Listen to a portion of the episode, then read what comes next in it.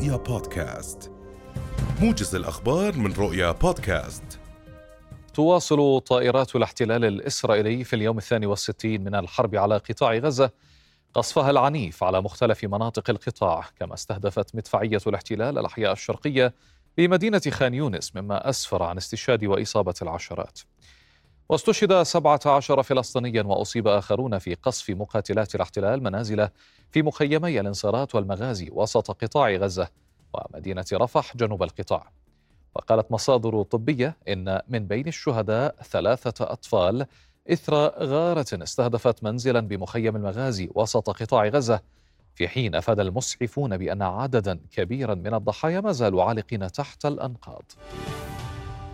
أعلن رئيس وزراء الاحتلال الإسرائيلي بنيامين نتنياهو أنه تقرر السماح بزيادة الحد الأدنى لإمدادات الوقود إلى جنوب قطاع غزة بما يكفي لتجنب انهيار إنساني في القطاع.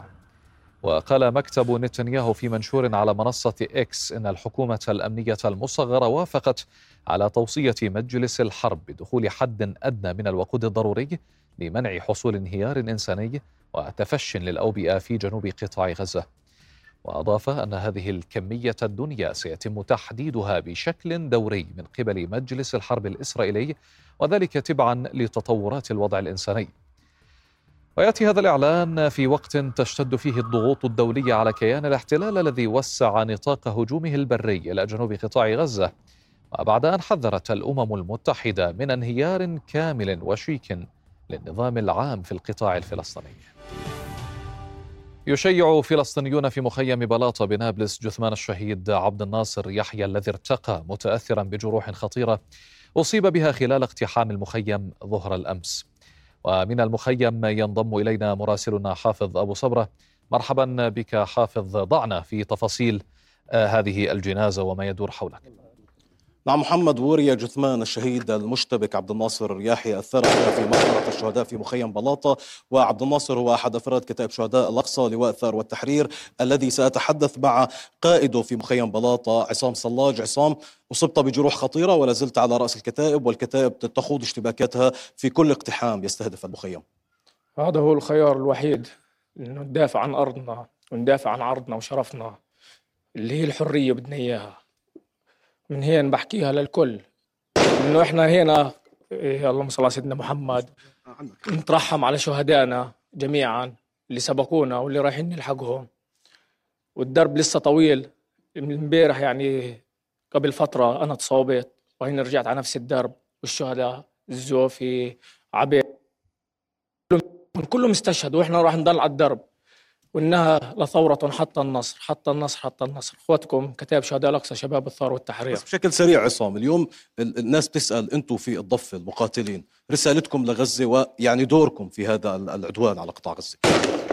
إحنا رسالتنا لاخواننا في غزة إن إحنا على الدرب سائرون إما النصر أو إما الشهادة. وهذا الخيار خيار المسلح هو خيار كل فلسطيني حر شريف. زي, زي ما حكاها الياسر يا أبو عمار الله يرحمه. فليسقط غصن الزيتون فلتحيا البندقيه هذا هو الخيار الوحيد لنرجع أرضنا. ما اتخذ بالقوة لا يسترد إلا بالقوة. سلامتك عصام وإن شاء الله بالشفاء يا رب والله يرحم الشهيد. يعني هذه هي رسالة لواء الثار والتحرير كتاب شهداء الأقصى في مخيم بلاطة. نعم. وهذه أيضا رسالة كل المقاتلين اليوم في الضفة الغربية محمد. وهذه رسالتنا من هنا من مخيم بلاطة. أعود لك في الاستوديو. أشكرك حافظ أبو صبرة مراسلنا من نابلس. كنت معنا. أعلن جيش الاحتلال الإسرائيلي اليوم مقتل جنديين خلال المعارك البرية داخل قطاع غزة مشيرا إلى إصابة أربعة آخرين بجروح خطيرة. وكان جيش الاحتلال قد أعلن مساء أمس ارتفاع عدد قتلاه خلال 24 ساعة إلى عشرة بينهم سبعة ضباط وفقا لما سمح بنشره. وبذلك وصل العدد المعلن لقتلى جيش الاحتلال الإسرائيلي منذ عملية طوفان الأقصى والحرب على غزة في السابع من أكتوبر الماضي إلى 413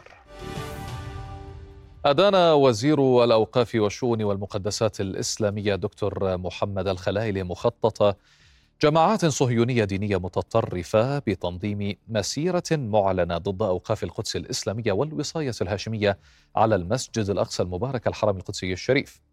ولمعرفة المزيد عن هذه المسيرة تنضم إلينا من القدس مراسلتنا آية الخطيب. أهلا بك. آية كيف هي الأوضاع في القدس قبل ساعات من مسيرة آه، المستوطنين المتوقعة مساء اليوم؟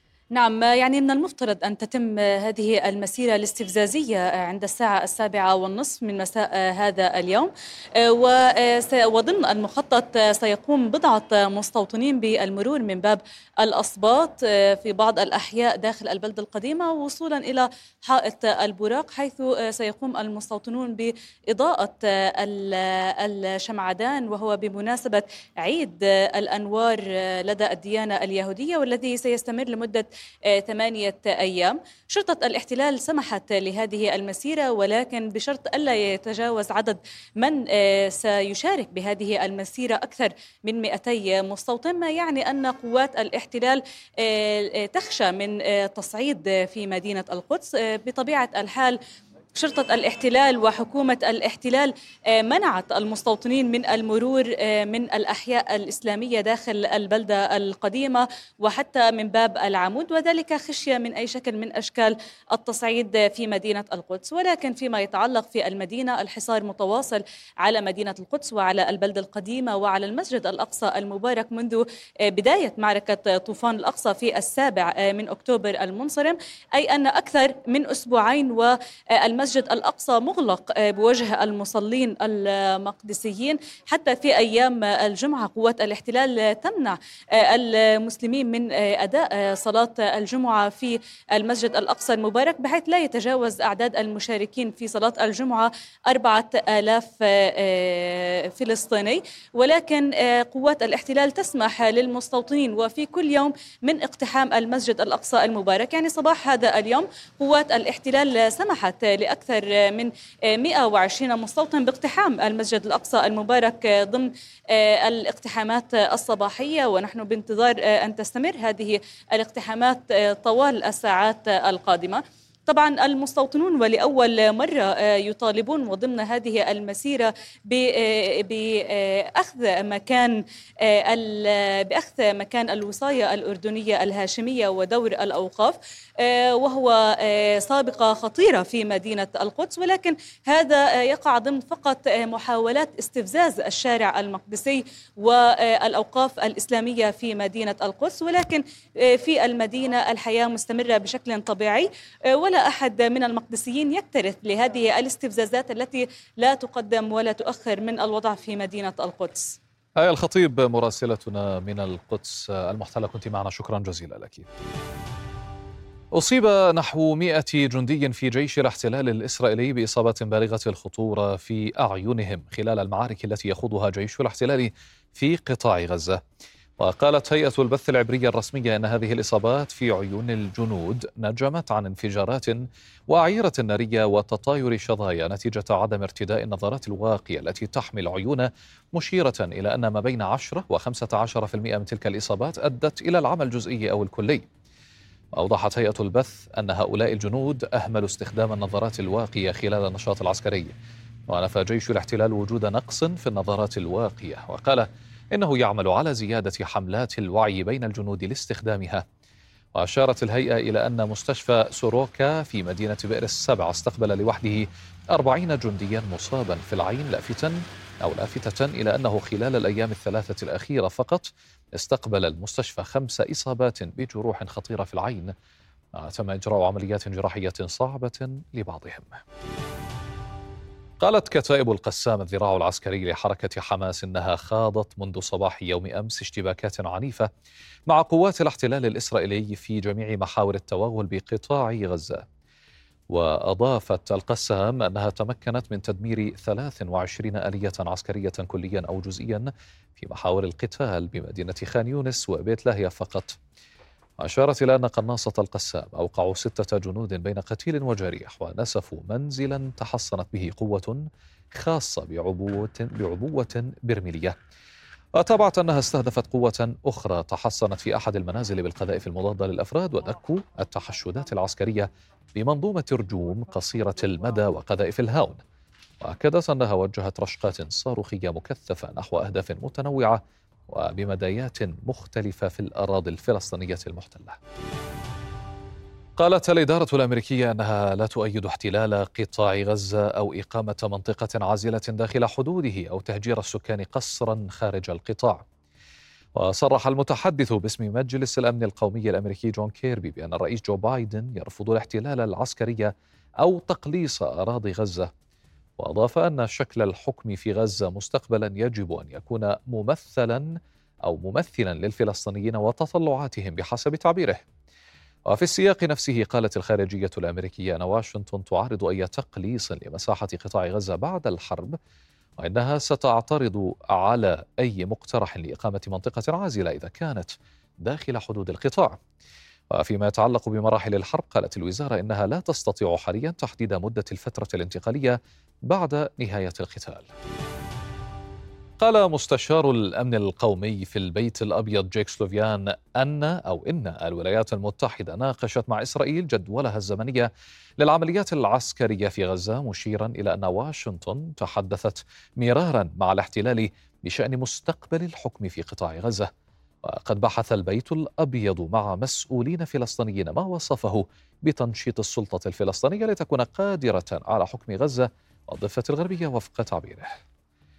ونقلت وكالة رويترز عن سوليفان أن الاحتلال الإسرائيلي أرسل بالفعل موقع عمليته البرية من دون أن يذكر تفاصيل. من جانبه قال منسق الاتصالات الاستراتيجية في مجلس الأمن القومي الأمريكي جون كيربي أن المحادثات ستستمر بشأن مرحلة ما بعد الحرب. عرقل أعضاء جمهوريون في مجلس الشيوخ الأمريكي طلبا قدمه البيت الأبيض لإقرار حزمة مساعدات طارئة بقيمة 106 مليارات دولار تستفيد منها بالدرجة الأولى أوكرانيا وكيان الاحتلال الإسرائيلي. وكان البيت الأبيض قد حذر البرلمانيين من أن الأموال المخصصة لتقديم مزيد من المساعدات لأوكرانيا ستنفد بحلول نهاية العام في حال لم يوافق الكونغرس على تخصيص أموال جديدة لكييف هذا ويشترط الجمهوريون في مجلس الشيوخ من أجل دعم التمويل الإضافي لأوكرانيا قبول الديمقراطيين إقرار إصلاحات على نظام اللجوء بالإضافة إلى تشديد الأمن على الحدود. أرسلت الهيئة الخيرية الأردنية الهاشمية ضمن حملة لأهلنا في غزة 17 طائرة مساعدات منذ بداية الأزمة في القطاع بالتنسيق والتعاون مع وزارة الخارجية وشؤون المغتربين والقوات المسلحة الأردنية سلاح الجو ووكالة الأمم المتحدة لإغاثة وتشغيل اللاجئين الأونروا ولمنظمة الأمم المتحدة للطفولة يونسف وقالت الهيئة في بيان إن الطائرات تحمل مساعدات إنسانية مختلفة من مواد طبية وأدوية مرضى غسيل الكلى والطرود الغذائية والوجبات الجاهزة والملابس وطرود صحية وحليب أطفال ومواد طبية مخصصة للأطفال. وبحسب البيان تم تسليم المساعدات للهلال الأحمر المصري لإدخالها عبر معبر رفح إلى قطاع غزة ليصار إلى تسليمها وتوزيعها على القطاع الصحي والجهات الرسمية العاملة في قطاع غزة. كشف تحقيق لصحيفة هآرتس العبرية تفاصيل حول ظروف استشهاد ستة أسرى فلسطينيين على يد الاحتلال الإسرائيلي. منذ السابع من أكتوبر منهم أربعة في السجون التابعة لإدارة السجون واثنان في معتقلات جيش الاحتلال. وأظهر التحقيق أن القوات الخاصة التابعة لإدارة السجون تمارس التعذيب بحق الأسرى الفلسطينيين منذ السابع من أكتوبر ما تسبب باستشهادهم تحت التعذيب. وكشف تقرير حقوقي أن الأسرى داخل سجون الاحتلال يعيشون ظروفا معيشية صعبة ومأساوية لا سيما منذ بداية العدوان الذي شنته قوات الاحتلال على الشعب الفلسطيني في غزة والضفة. وبلغ عدد الأسرى منذ السابع من أكتوبر قرابة 3580 ختام الموجز في أمان الله.